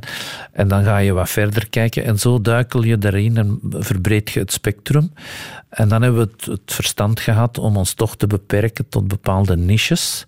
En die niches hebben we dan uh, telkens uitgebouwd. En mm. Dus we zitten in de, in de textielen, heel de moeite waard om te, om te bekijken. We zitten ook met Latijns-Amerikaanse kunst, omdat ik een grote liefde heb en mijn echtgenoten ook voor Latijns-Amerika. Uh, heel speciaal continent, uh, heel speciale kunstenaars. Uh, middeleeuwse kunst natuurlijk, onze wortels, waar komen wij als Vlaanderen vandaan? Trouwens, uh, daar gaan we later nog een hoofdstuk aanbreien, omdat we de volgend jaar in Gent, een, samen met de provincie, een heel grote uh, tentoonstelling uh, met het niveau van ja, ook wereldkwaliteit hopen te maken. Ah, ja? ja, en, en dan... Een tentoonstelling met jullie collectie? Uh, niet zozeer met onze collectie. Want, uh, als, als je dus streeft naar de wereldkwaliteit om uit te drukken hoe Vlaanderen en het, groot en het hertogdom Brabant in de middeleeuwen waren, dan moet je samenwerken met alle musea. Met de musea van Brugge gaan we samenwerken, met het MAS in Antwerpen, met het Koninklijk Museum voor Schone Kunsten, met Brussel. Trouwens, uh, na deze uitzending ben ik geïnviteerd door een van de knappe uh, conservators of conservatrices van het uh, Jubelparkmuseum hier.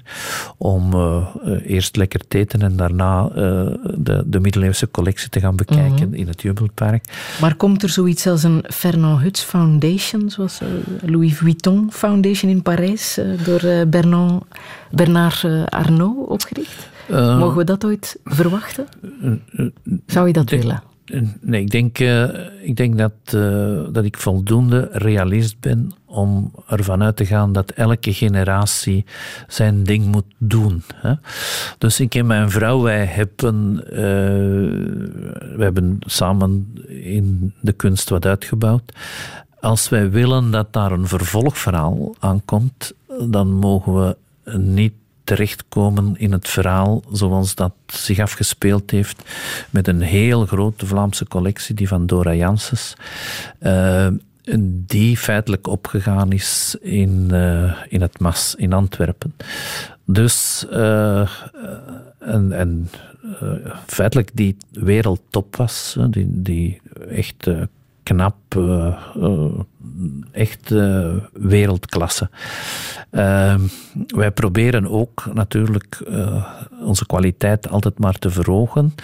En wij zijn van oordeel dat wij naar een foundation moeten. Hè? trouwens, die wij al opgericht. En dat we dat kunstpatrimonium in die foundation moeten laten voortleven.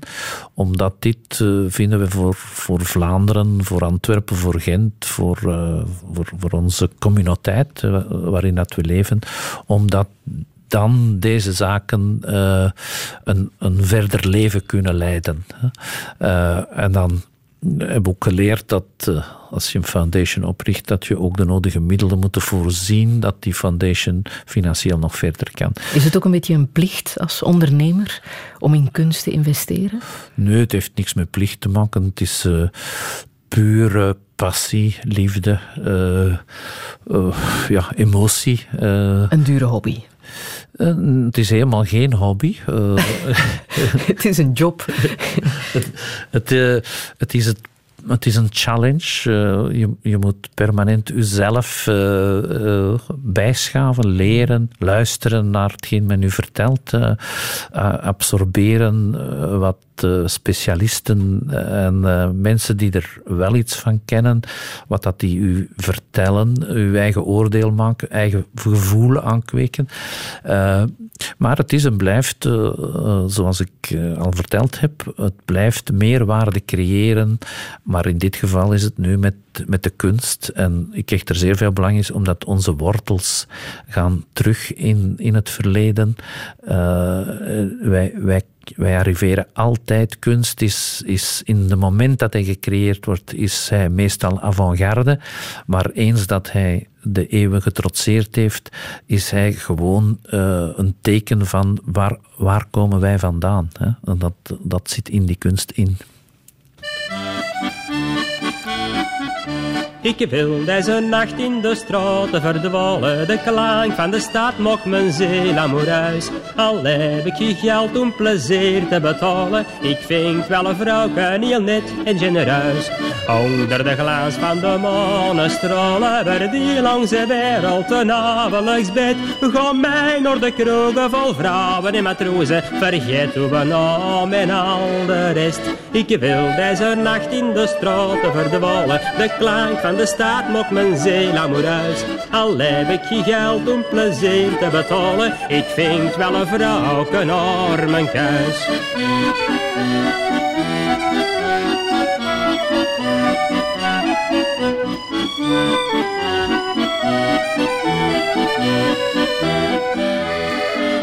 Ik wil deze nacht in de straten verdwalen. De klank van de stad mocht mijn ziel amoureus. Al heb ik je geld om plezier te betalen. Ik vind wel een vrouw heel net en genereus.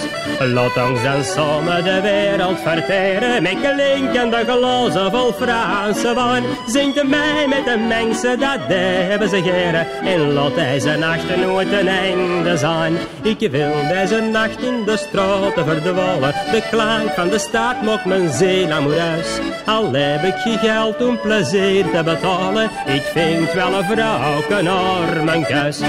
Wannes van de Velde. En uh, ik wil deze nacht in de straten verdwalen. Fernand Huts, dit wou je absoluut laten horen, hè? Ja, omdat uh, ja, ik, ik ben dat een beetje, hè. Ik, dat is al duidelijk geworden. ik kan daar ook niet aan doen. Dat is dikwijls sterker dan mezelf. Uh, ja, ik ben van Antwerpen en ja, dan, verdwaal, dan verdwaal je af en toe s'nachts in de straten. En uh, ja, uh, dat is toch leuk hoor. Mhm, maar die ene vrouw, Karin, dat, daar hou je toch al uh, 40 jaar stand in, in dat huwelijk. Ah, ja. Ga je dat ook vieren trouwens? Ja, 26 ja. april is dat, hè? Maar het is ook terecht, hè. zij heeft het volste vertrouwen in mij. En, uh, en dat vertrouwen, dat beschaam ik natuurlijk nooit. Uh, ook niet als ik in de stad verdwaal. Uh, zij kent mij door en door. Dat is gebleken. Weet je dat ze ons ge-sms'd heeft? Uh, ik vermoed dat, zij, dat u een sms ontvangen hebt, ja. Mag ik het lezen? U mag, alles wat zij over mij schrijft is welgemeend. En uh, u doet maar. Het gaat over jou. Uh, Fernand, je zijt te zuinig. Je denkt dat je God zijt. Je commandeert iedereen op een despotische manier. Je hebt geen orde. Je hebt zelfs geen twee linkerhanden, eerder twee linkervoeten. Je zijt van kwade trouw. Je trekt alles in het belachelijke en zet alles naar uw hand. Je judast. Je moeit u met alles, onder andere hoeveel charcuterie en brood er gekocht mag worden. Belangrijkste slechte eigenschap. Je stoeft ermee dat je andermans territorium moet eerbiedigen. Gemakkelijk, hè? Je hebt alle territorium afgepakt en er blijft voor iemand anders niks over. Maar de sms eindigt met... Het is toch een mysterie dat ik u nog altijd graag zie. Mooi, hè? Je hebt gezegd dat ik het mocht lezen, hè? Het is vooral dat laatste zinnetje, hè? Ja, aan het eind van de rit trekken wij 40 jaar samen op. En uh, ja, uh, uh, er is natuurlijk een spanningsveld, dat voelt je direct, want zij heeft een andere perceptie van de realiteit dan ik. ik denk dat zij heel veel territorium heeft, dat zij ook haar ding kan doen, dat zij dat ook doet, hè, want zij, zij, is zeer actief en met zeer veel zaken bezig. Mijn schoonvader heeft zijn dochter ooit beschreven tegen mij. Let op, Fernand, let op, want uh, uh, ons Karin, als je die in één woord wilt samenvatten, dat is greedy. She wants everything in life. Dat is ook zo. Hè. Is, uh, zij gaat ervoor in, in literatuur, in schrijven, in kunst, in, in, in alles. Maar stond ook voor een grote carrière, hè? Ja, zij heeft het uh, vergeschopt op zeer korte termijn. Uh, zij was eerst uh, substituut procureur des Konings in Brussel. En zij was de jongste rechter van het land. op juist 30 jaar kon je toen rechter worden. En zij was rechter in eerste aanleg. maar, maar toch is hij jou dan gevolgd in het bedrijfsleven? Ja, uh, wij konden haar eh, uitstekend uh, gebruiken. En ja, als, als het bedrijf groter wordt, dan kan je haar ook inzetten op op uh, zaken waar, waar je zelf niet zo sterk in bent. Hè. Uh, bijvoorbeeld de heel moeilijke klanten, hè, de Fransmannen vooral, uh, die kunt je dan uh, counteren, want een Fransman is cultureel is die altijd correct naar de vrouwen. Hè. Die, die, die blijft door en door Fransman. Dus als er een zwaar probleem, claim was, dan uh, moesten ze mij hebben. En dan stonden die Fransmannen gereed om mij te nailen, hè, de grond in te kloppen.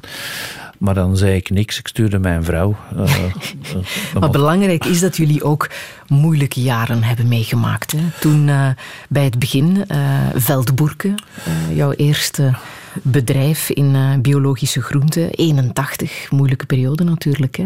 niet zo evident om in die periode uh, met biologische groenten bezig te zijn. Ja, het was in de jaren 70. 70 ja, In de jaren 70 ben ik uh, mijn eerste bedrijf gestart uh, in Roeselare. Hè, op de Beverse Steeweg tussen Ardooien en Roeselare. En uh, ja, dat was biologische groenten en fruit. Dat was ook toen avant-garde. Mogen niet vergeten dat toen bread and butter het belangrijkste was. niemand was echt bezig met gezonde voeding. Dus dat was pionieren. En ja, ik heb, ik heb dat bedrijf op de kaart gezet. Bestaat trouwens vandaag nog. en vandaag vind je natuurlijk zelfs in elke supermarkt vind je een afdeling biologische groenten en fruit. Maar toen was dat revolutionair. En ja, ik, ik had, ik had 400.000 frank, of ik zal het anders zeggen. mijn vrouw had 400.000 Belgische frank. en de, die, die heb ik dan op mijn bil geslagen. En dan nog een beetje van onze pa en onze ma. En daarmee ben ik dan gestart met het eh, bedrijf Veldborken. Uh, en dat is een succesverhaal geworden. En dan omgekeerd voor de tuinders uh, heb ik dan een afdeling opgericht. niet-chemische bemestingsmiddelen. maar dat, had ik geleerd in het eerste studiejaar. Lava, dan weet iedereen dat dat uh, vruchtbaar is. Dus ik stuurde ik een camion naar de Vesuvius voor uh, eh, 20 ton lava mee te brengen. En ik verkocht dat hier, zelfs met zeewieren, met basalt, met bentonietgesteentes. En dat bedrijf is dan een succes geworden en uh, heeft zich verder uit. Mhm. Op welke manier klopt jouw biologische hart nu nog? Uh, wel, uh, ik, ik ben nog altijd zeer overtuigd van het grote belang van de voeding. En mogelijk ook van de nefaste uh, gevolgen van, nef van slechte voeding. Hè. met slechte voeding heb ik het voornamelijk op het junkfood hè, mm en, en, op de suikers. ik denk dat het van zeer groot belang is om goed te eten, uh, gezond te eten, groente, fruit. En als dat dan kan, biologisch, uh, dan nog veel beter. Want uh, ik ben daar een blijvende gelover in. Dus een vegetarisch restaurant, dat zegt mij wel wat. maar je moet natuurlijk nog wat gezelschap vinden om naar het vegetarisch restaurant te gaan. maar je investeert ook wel in ecologische dingen, hè? Uh, je bent uh, privé-aandeelhouder van het uh, hoogspanningsnet Elia. Um, Indaver, het afvalverwerkingsbedrijf, daarin ben je geïnteresseerd. Dat gaat allemaal over ecologie en een, en een betere wereld. Hè? Ja, en ook, kijk, op vraag van minister-president Peters hebben wij in de tijd het grootste zonnepanelenpark van België op de kaart gezet. Uh, en ja, groene energie is wat mij betreft voor de toekomst toch wel uitermate belangrijk. Uh, je kan toch niet blijven afhankelijk zijn van uh, de, de nucleaire energie. Je kan niet blijven afhankelijk zijn van de uitstootgevende CO2-centrales. dus wij, wij doen ons best ook om de windmolenparken te, te betalen en daar daar ook uh, in te investeren. Dus, uh, en als bedrijf zelf waken wij heel hard op onze omgeving en, op de, en verzorgen wij de ecologie. Hoe ver wil je daarin gaan? Bij Indaver bijvoorbeeld. Ga je bieden tot het uiterste? Oh, uh, kijk, wij zijn, maar, wij zijn maar kleine jongens in, in heel het spel. Maar we zijn, wij zijn de enige Vlamingen die, die meespelen. De, de echte grote jongens zitten als tegenpartij. En uh, uh, ja, je hebt de, de reuzen zoals Suez. De, de Fransen kopen in België alles op. Hè. Dus uh, dat, is, dat is een belangrijkste concurrent. Maar ja, in Vlaanderen, uh, als Vlaming, willen wij toch ons best doen. Je hebt ook nog de Zweden die meedoen. Uh, de familie Wallenberg uh, zet in op Inaver. Je hebt ook de, de, de Hollanders, private equity. Maar ja, dat zijn altijd jongens die, die kopen bedrijven en overladen het dan met schuld. Ik weet niet of dat, dat grote toekomst heeft voor, kijk, een, private equity verkoopt dat ook door na, na vijf jaar. Dus, uh, en dan heb je de Chinezen, we weten ook niet wat dat die gaan doen. Dus, kijk, als, als kleine Vlamingen spelen we nu voor de eerste keer mee in een groot, groot spel. En we gaan zien wat dat, waar dat we gaan geraken. Hè. Maar als je speelt, speel je natuurlijk om te winnen that's the way it is. Mm -hmm. Maar, dus jij ook? Uh, nee, nee, wij zeker.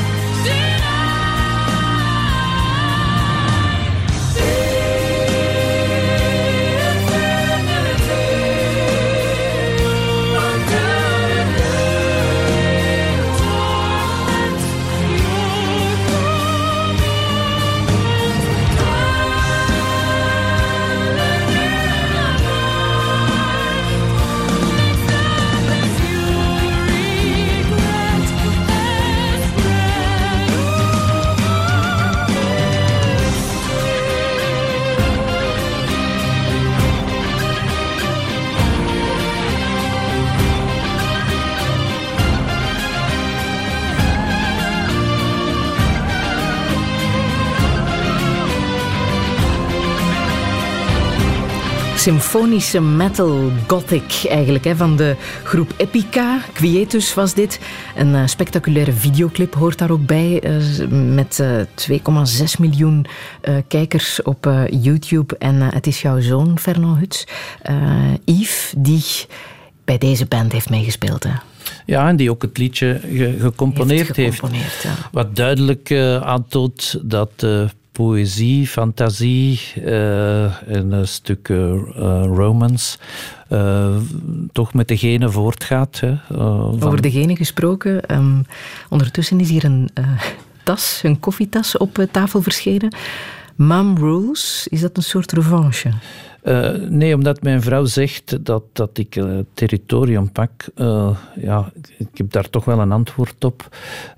elke morgen sta ik op. ik ben geen ochtendmens, ik moet dus wakker worden met koffie. En dan moet ik mijn koffie drinken. ik maak die zelf klaar. Ik maak die ook klaar voor mijn echtgenote.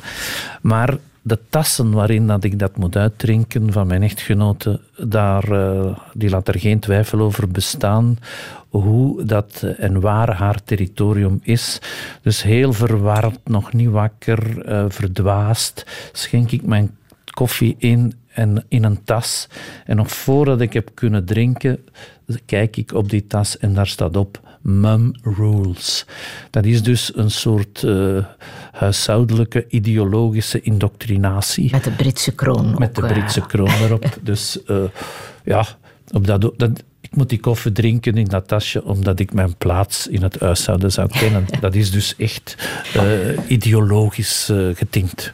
Fernand je wordt 65 dit jaar. Dat, heeft, dat is de leeftijd uh, waarop jouw vader is gestorven. Hè? Ja, correct. Ja, die, die heeft zo hard gewerkt uh, en die was opgewerkt. Heeft uh, ja, werkelijk van aan, aan de kar te trekken in weer en wind, zoals ik al uitgelegd heb. Maar sta je daarbij stil voor jezelf? Ja, kijk, de, je, je, je kan daarop terugblikken en voor je eigen. Maar ik, ik zelf, ik sta niet stil bij mijn eindig zijn. Hè. Ik, ik, ik leef gewoon voort en doe elke dag mijn ding met veel plezier. Wat zou je echt nog willen in het leven? Oh, uh, kijk, uh, ik, ik laat mijn kar altijd maar voller. Hè. En feitelijk, met al wat ik daarop laai, amuseer ik mij.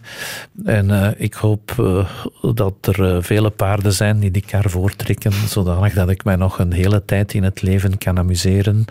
En het zij met werk, het zij met kunst, het zij met, ja, met alles, met de muziek. Met, en een specifiek feestje in gedachten voor je 65ste verjaardag? 18 nee. juni is dat, hè?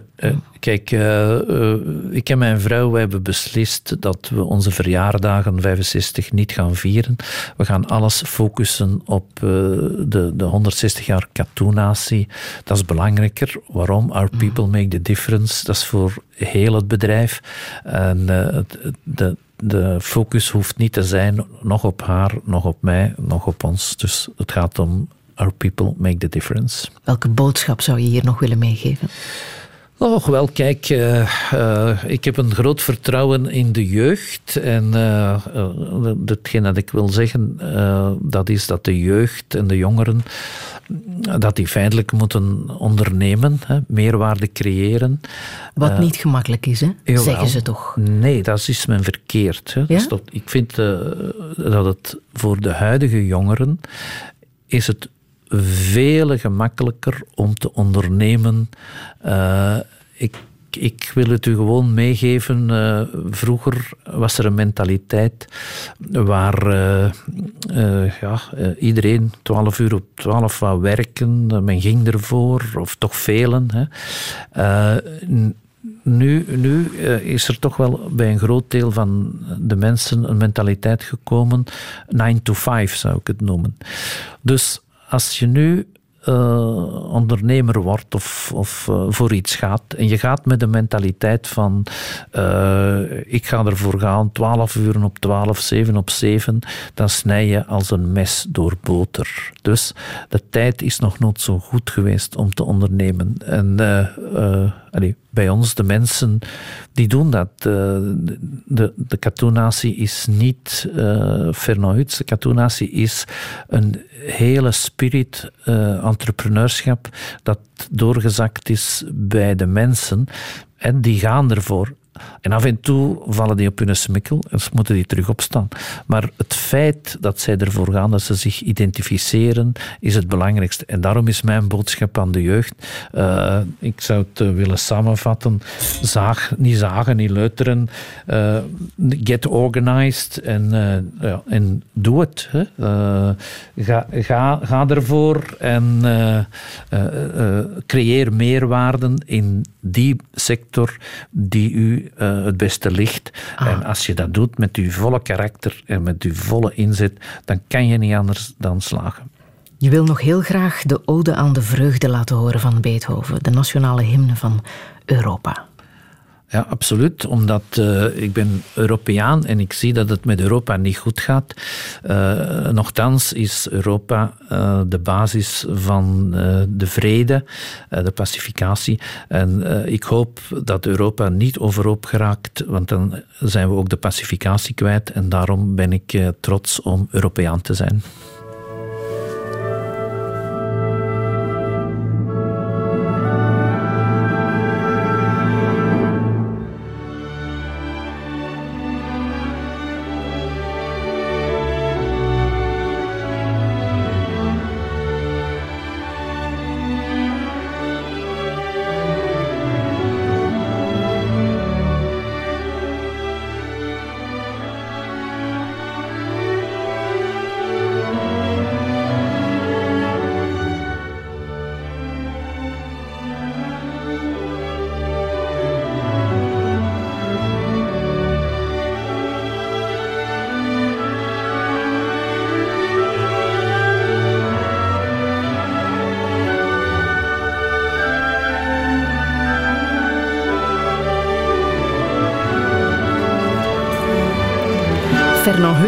Wil je met deze fijne muziek hartelijk danken voor uh, dit gesprek.